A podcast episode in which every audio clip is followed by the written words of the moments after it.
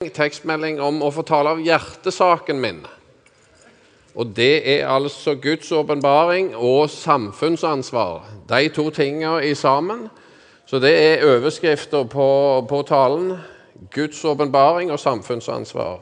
Og Når det er hjertesak, så er det jo personlig, og det er mitt. Dette er jeg eh, Og jeg var veldig glad at jeg Lelling hadde oppdaga at det er hjertesak. Så da må jo det ha komme gjennom på en eller annen måte. Og det er jeg veldig glad for. Min visjon, på en måte, hvis jeg skal ha det, så er det fra Jakobs brev. Og det er Jesu bror som har skrevet Jeg har tatt teologien i voksen alder, og jeg syns dette med liturgi var veldig vanskelig. Hvordan vi skulle oppføre oss som prester, og hvordan dette skulle foregå. Men her er svaret. En gudsdyrkelse som er ren og feilfri er for Gud, vår Far, er å hjelpe enker og foreldreløse barn i deres nød, og ikke la seg flekke til av verden. Der er det altså en gudstjeneste som vi kan gjøre, som er ren og feilfri. Og det er jo som Jesus sier, det er jo til å gå til disse mine minste små. Og det har blitt min visjon, og som, som dere vil merke her òg. Guds åpenbaring det er utrolig viktig å være klar over og forvente. Og forvente at det skal skje 1.1. i 2017. Etter Jesu Kristi fødsel.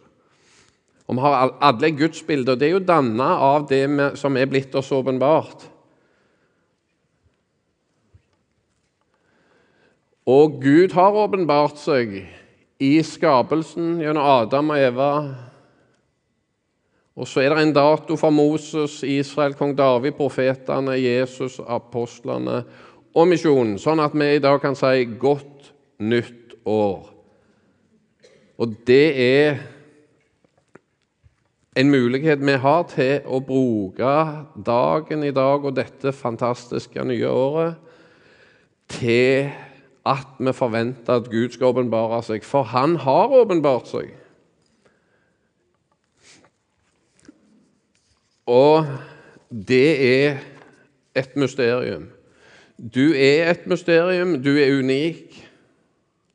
Du er helt spesiell, du er skapt i Guds bilde. Og du har noe i deg som er skjult. Det er noen ting som faktisk skaperen vet mer om enn du.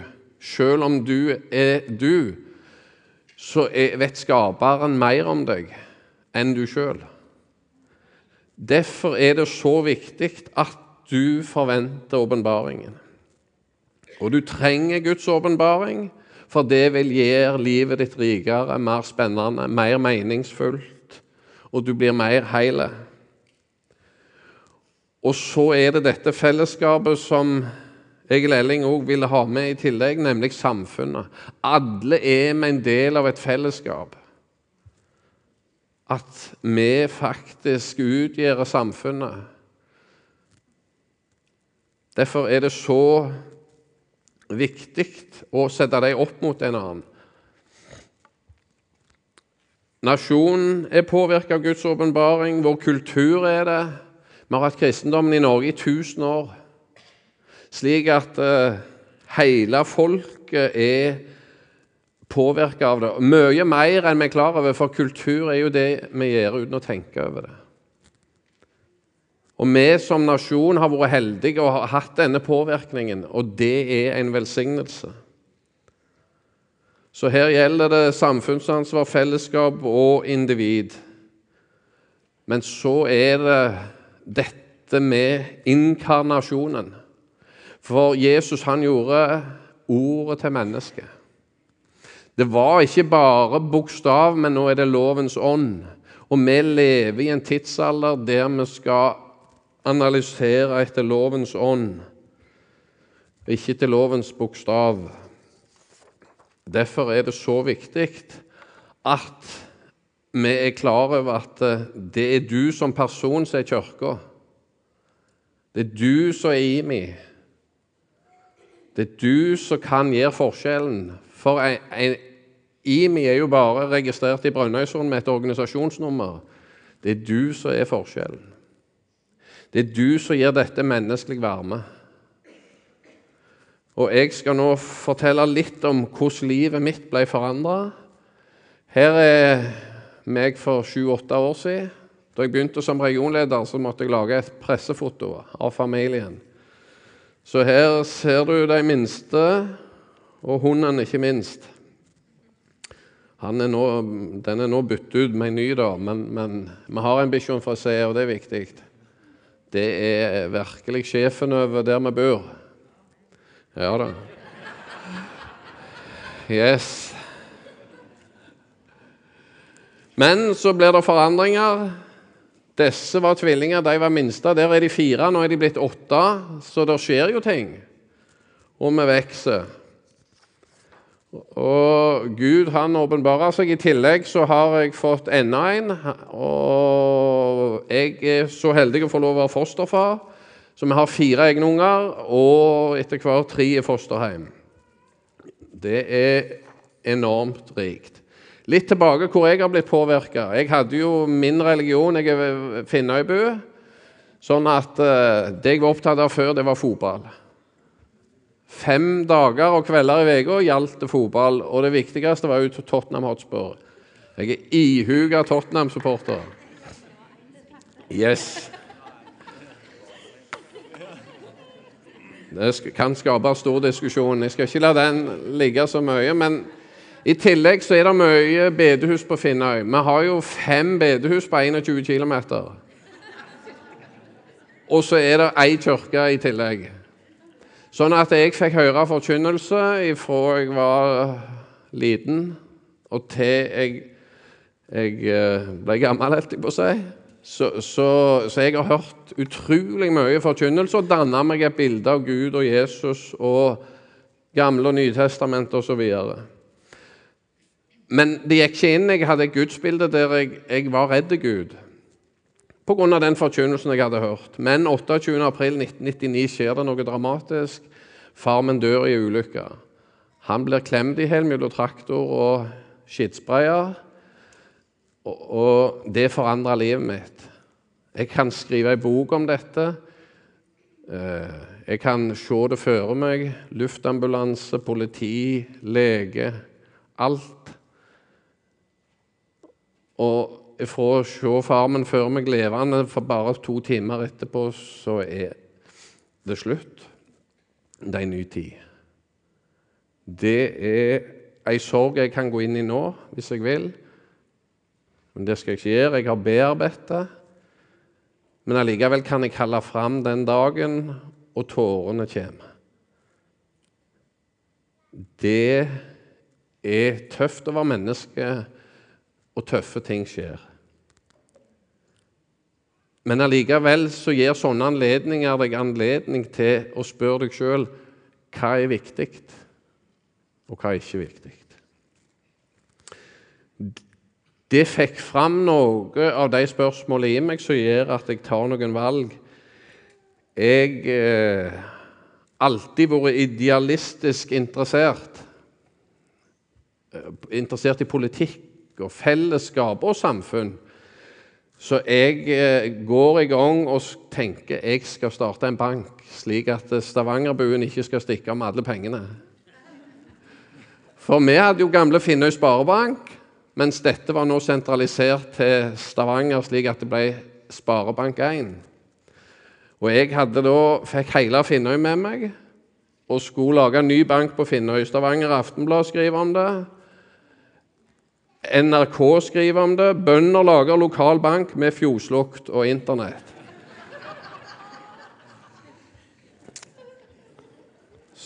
Og vi, vi fulgte rett og slett bedehusene med folk, og jeg hadde over 400 mann som hadde tegnet grunnfondsbevis og skulle være med og lage bank. Og det fikk kjempemye oppmerksomhet. Samtidig begynte jeg på noe som heter alfakurs. Og der skjer det noe. Der har du et kurs med åndelig veiledning, praktisk bruk av Bibelen og et nytt gudsbilde begynner jeg å få. Jeg begynner å få pappa Gud. At Gud faktisk ikke er en som du må gå til for å unngå helvete, men en Gud som vil ha deg på fanget og vil kviskre deg inn i øret hver dag. 'Jeg elsker deg'. Det er så store forskjell i relasjonsforhold, disse to tingene. Derfor er det så avgjørende at vi snakker om Gud som vår pappa. En som kviskrer inn i deg hele veien 'Jeg elsker deg'. Og ikke slik du burde være, men slik du er. Og, og da starter det jo en relasjon som er helt annerledes. Og det er denne relasjonen jeg skal fortelle videre om. En ny investeringspolitikk. En ny ting. Og da begynner det å skje noe med at du får en relasjon til Den hellige ånd. Og jeg begynner jo praktisk å be om alt jeg holder på med, òg denne bankplanene. Og Så begynner jeg å oppleve at Gud sier til meg 'Du, Erik, skal bli prest'. Og da sier jeg tilbake til Gud 'Du er gal'. Det hadde jeg bare ikke tenkt eller trodd. Så det begynner å komme fram denne, men jeg våger ikke å si det til et menneske før det er gått to måneder. Og På disse to månedene da, så jobber det i meg, men så sier jeg det Jeg skal dømme en fotballkamp på Karmøy, husker jeg. Det kom en linjedommer, eller assistentdommer heter det nå, fra sørsida. Vi fikk en god prat i bilen, og han er kristen. Så jeg spør han, du, jeg, jeg tror Gud vil at jeg skal bli prest, men jeg vet ikke helt om det kan være rett. Det høres helt løye ut. Ja, men ikke tenk på det, sier han. Hvis Gud vil du skal bli prest, så vil han gi deg så lyst at du kan ikke la være. Å ja, ja, men da bare glemmer det. Så etter noen måneder og sommeren så begynner jeg faktisk å få lyst. Jeg begynner å tenke at ja, kanskje er det det jeg skal. For da hadde jeg jo sett at Jesus var jo helt annerledes enn jeg trodde. Og jeg hadde faktisk tenkt dette er en mann jeg vil være med og kjempe for. Og så sier jeg det til kona at jeg tror kanskje Gud vil jeg skal bli prest. Og kona ler høyt og sier at det passer ikke du til. Og hun syns jeg skal gå videre med bankplanene. Men så er det Alfaviken. Eh, på Alfaviken så er det jo kurs om Den hellige ånd, og jeg gjør noe så alvorlig å gå til taleren og si at, eh, at eh, jeg tror Gud har en plan for meg, at jeg skal bli prest. Jeg spør, spør, ja, men det er jo seks år det å, å gå på skole, og du er nå 35. Er kona enig? Jeg spør. Nei, hun var ikke enig. Nei, da trodde du ikke det var for Gud.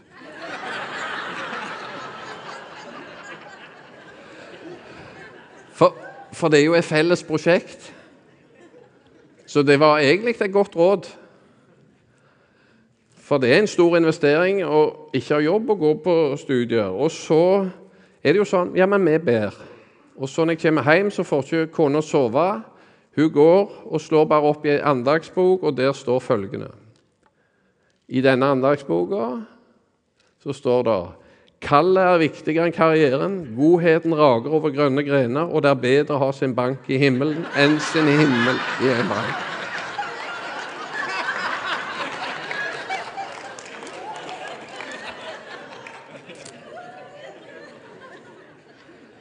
Så kona sa, 'Begynn å studere teologi'.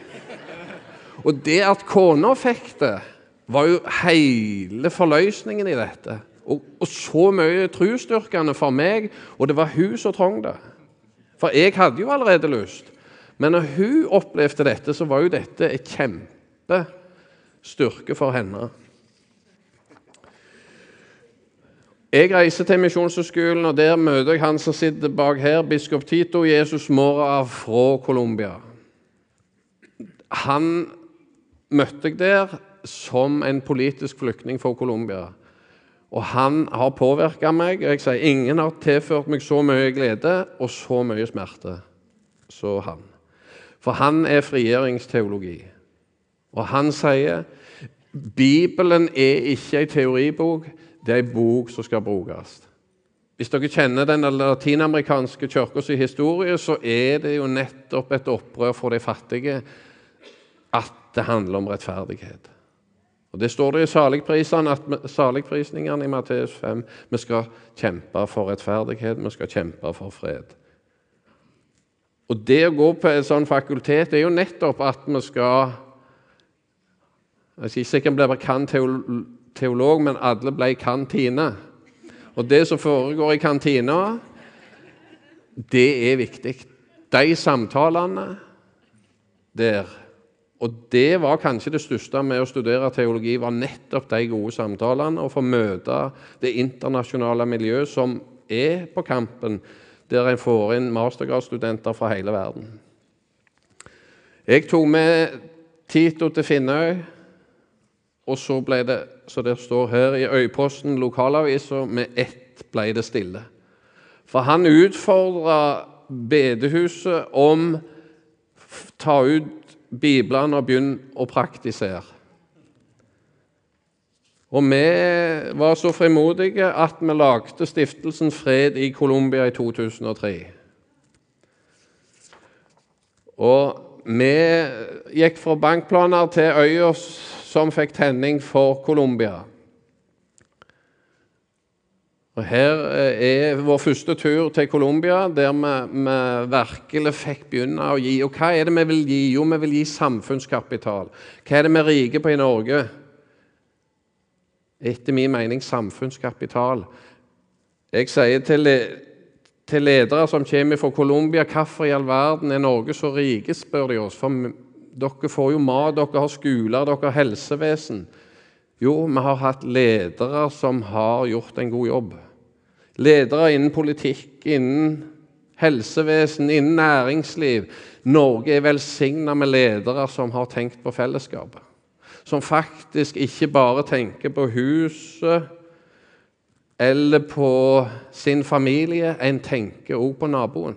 Det er faktisk en god kultur vi har i Norge som vi skal være stolt av. At vi har folk som vil hjelpe. Og min tur til Colombia For før det så hadde jeg bare reist til Syden. Og vestlig til trygt og greit. Men å reise til Colombia, og ikke bare Colombia, vi reiste inn i krigsområdet i Colombia. Og vi møtte FARC-geriljaen, vi møtte hæren. Og bare jeg viste det norske passet, så var du trygg. Norge har en autoritet og integritet i det internasjonale miljøet. Og bare vise passet gjorde at de tok det ikke. Vi var samme plassen som Ingrid Betancourt ble kidnappa av flere, der som FARC-geriljaen har vært. Men er du nordmann, så var du trygg. Og jeg har aldri følt meg så velkommen noen gang reise inn der.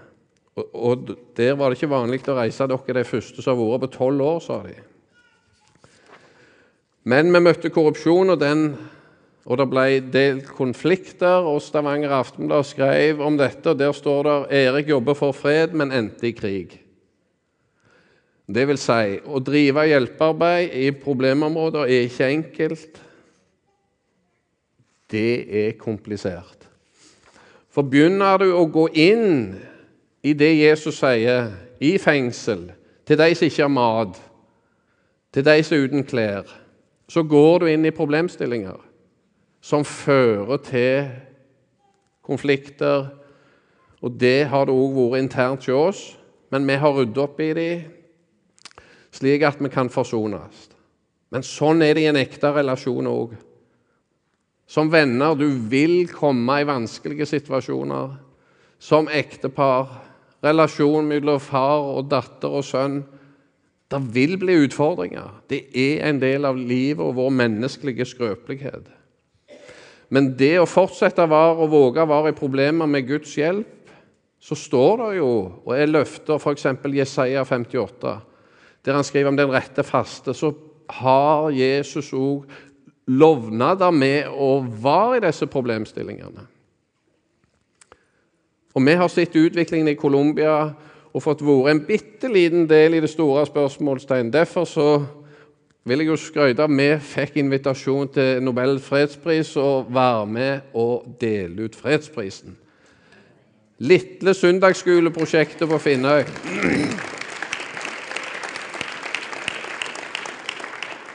For det er det Finnøy er rike på. Dette er ikke noe jeg har gjort personlig, det er noe vi som lag og Søndagsskolen på Finnøy og de organisasjonene som var med å gi av sitt overskudd, slik at vi har barnehjem, mikrokreditt og apotek midt i det området. Og så skal vi lære å bygge samfunn slik som våre misjonsfedre har gjort. Så i lag med Ingel og, og der så var vi og fikk sitte ringside på jeg sier, cupfinalehelg for fred.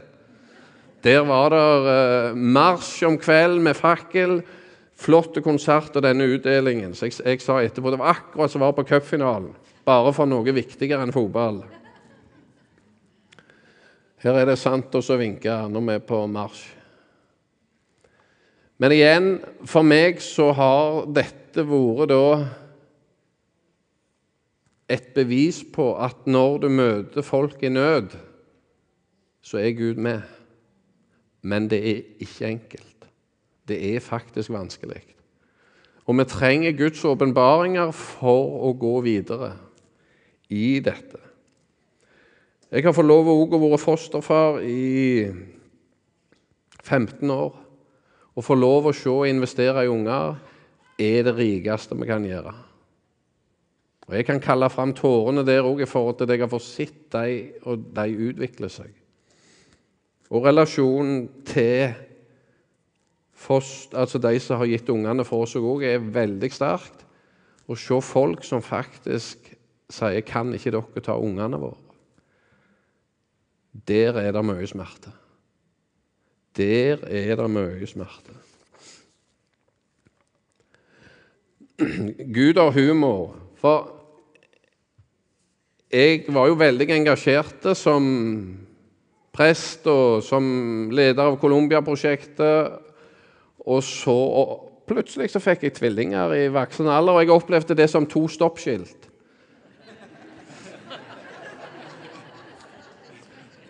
For det er jo så lett å bli engasjert i gode, det gode sak. Og så var det han eldste sønnen min da som sa 'Pappa, du kunne tro du var gift med han Tito.'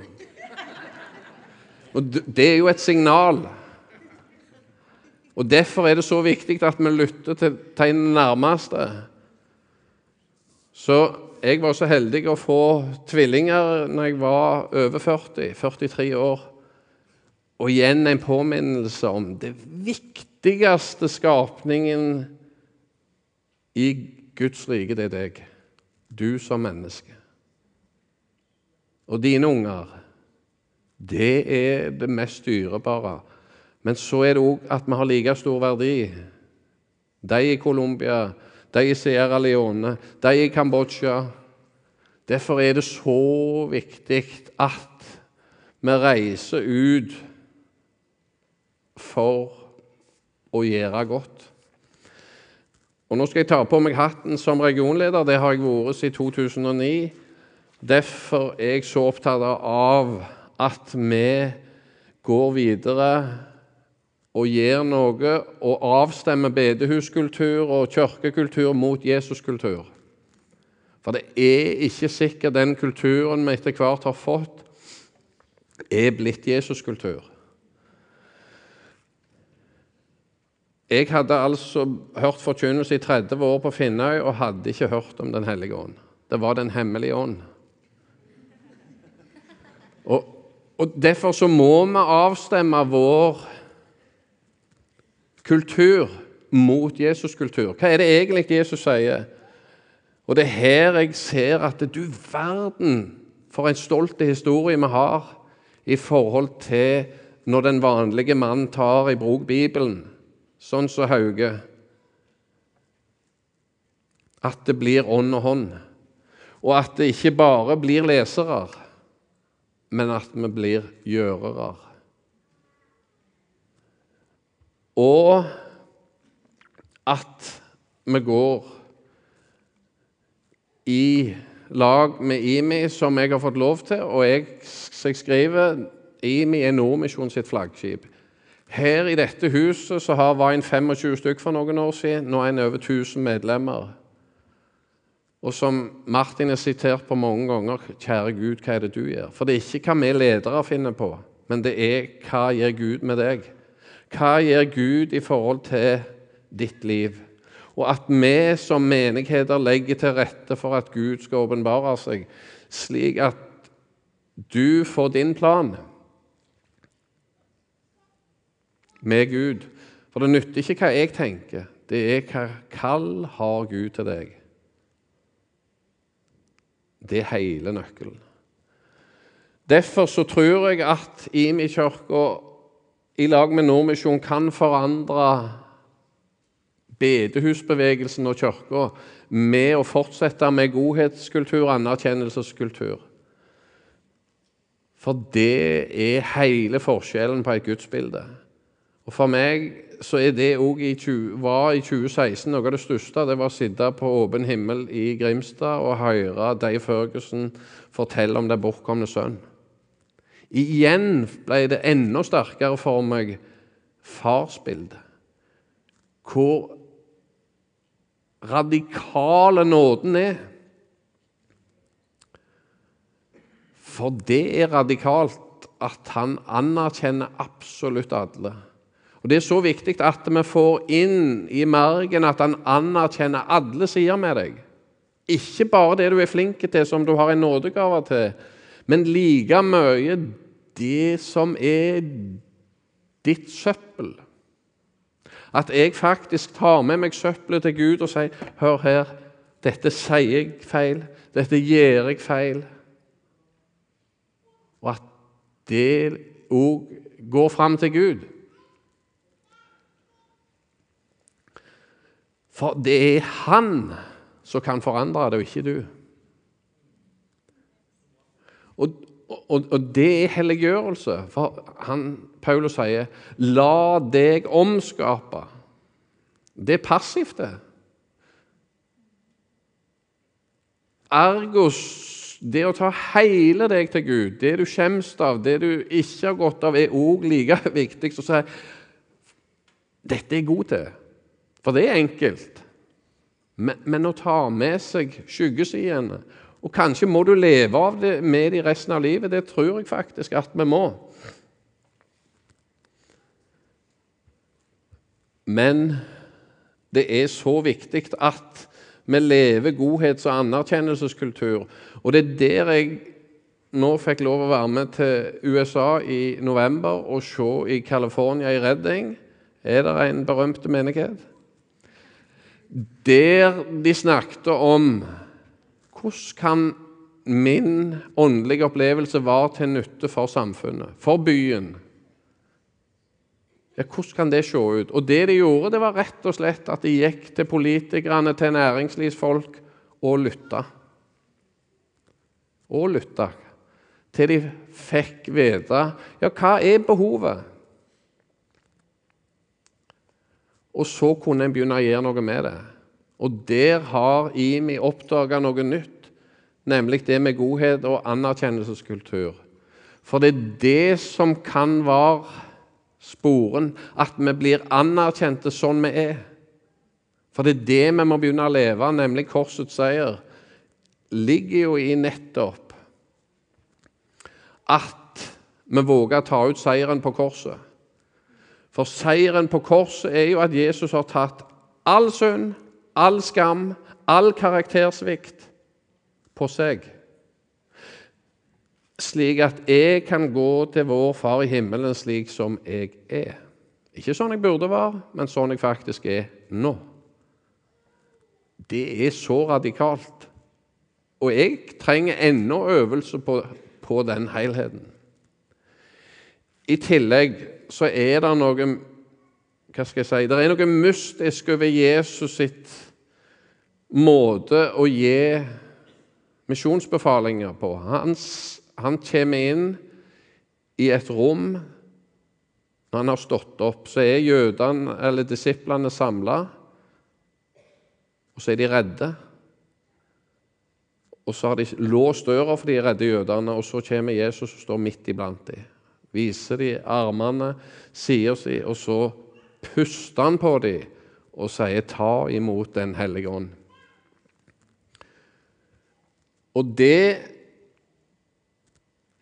er et mysterium. Og det mysteriet må vi våge å leve i. Og Det er så viktig òg at han har denne veien for deg. Og for meg så har jeg nå fortalt en historie om et liv som, som er et mysterium. Som er konflikter, som er seirer, og som er tap. Og er det noe jeg har levd de siste åra, så er det at jeg òg ikke har opplevd bønnesvar. Jeg har hatt sykdom, både jeg, min sønn og min datter, som gjør at jeg har fått stor nytte av fellesskapet. Jeg har ikke kunnet bare ut, men jeg har måttet hatt hjelp av fellesskapet. Og at vi òg tar oss tid å anerkjenne den delen av samfunnet. For det å drive vitenskap er like mye guddommelig som å be om helbredelsen. Og dommen over mennesket er jo nettopp at vi skal dø. Og Magna Kartveit, professor i Gamletestamentet, sa det sånn Vår skjebne er jo faktisk å kjempe mot dommen. Og Bare for noen måneder siden så ringte de fra Oslo universitetssykehus til meg og sa du kan få tilbud om å genteste deg, for vi har funnet ut i din familie så har dere et gen som skaper høy kolesterol, som igjen kan føre til hjertesvikt i for tidlig alder. Jeg gentesta meg og fant ut at jeg fikk, og fikk beskjed dette genet har jeg, og du må ha sånn og sånn medisiner. Men den gode nyheten er at medisiner virker. Pga. vitenskap så kan jeg få 20-30 år lengre liv. Det er så viktig at vi anerkjenner vitenskapen og tar det òg inn i Guds hus og takker for det.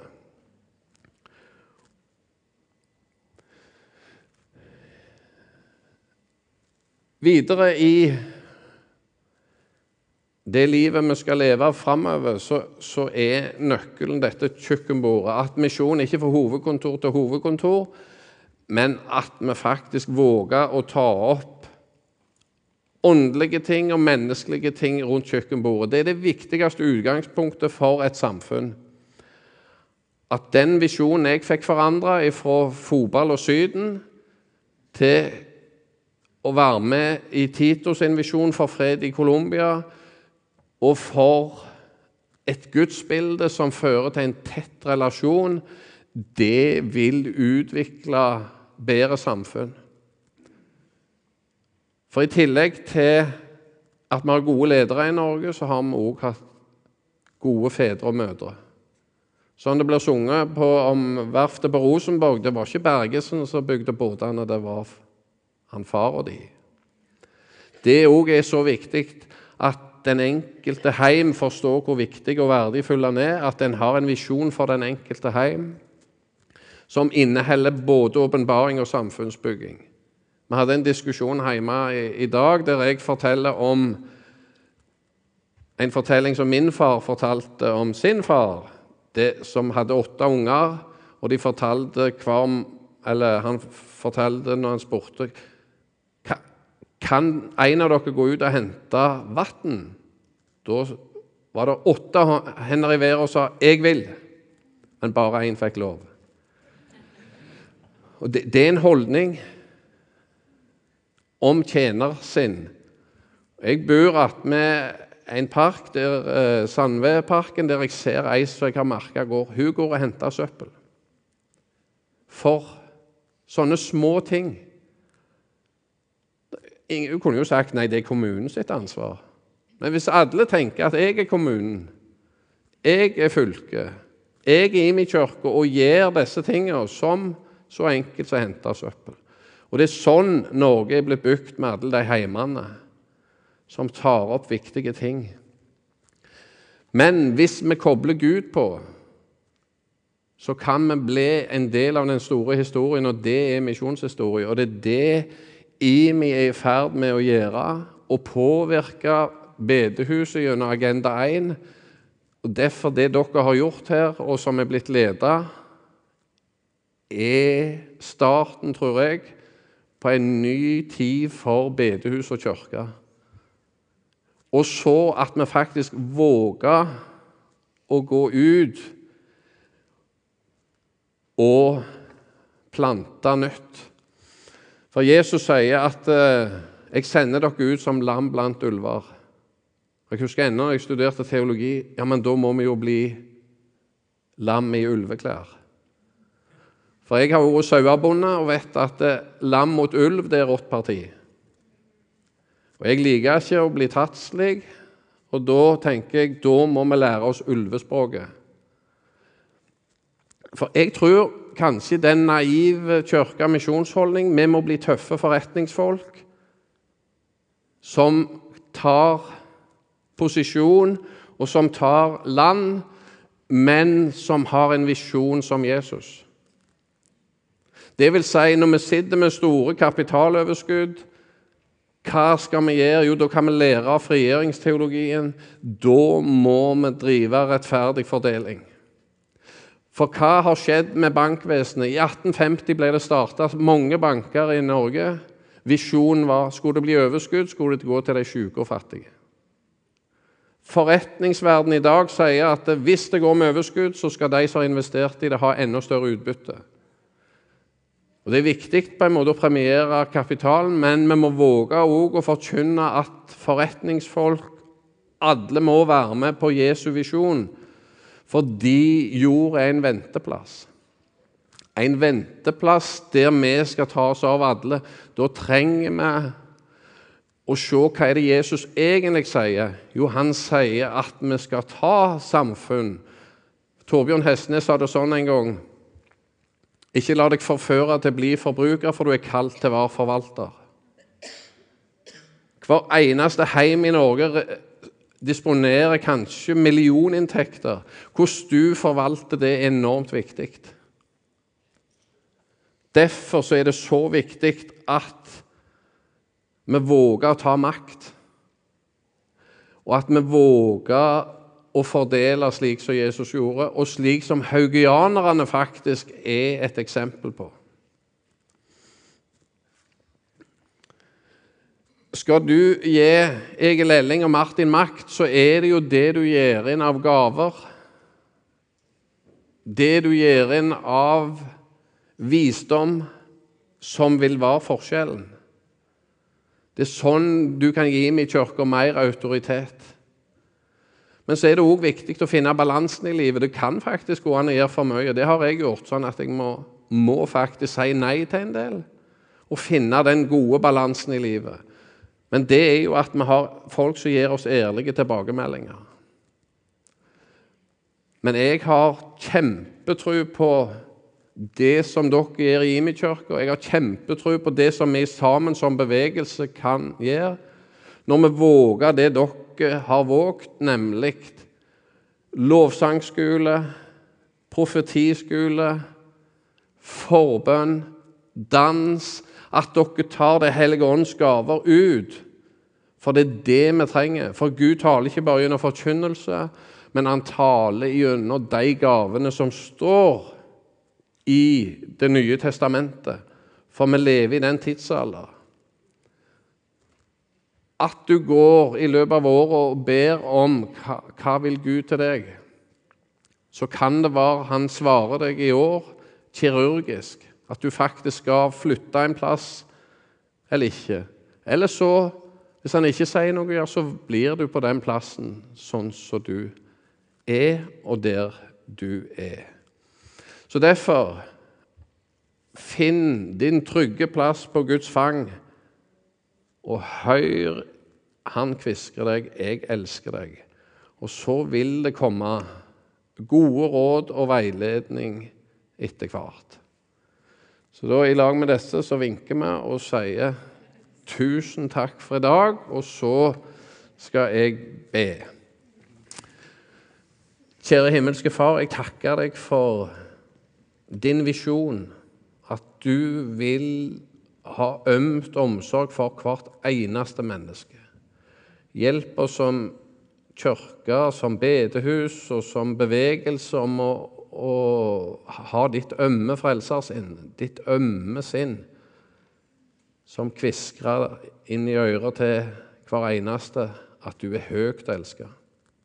Takke deg, Jesus, for det du har gjort for oss, for at vi har en trygg plass hos pappa Gud.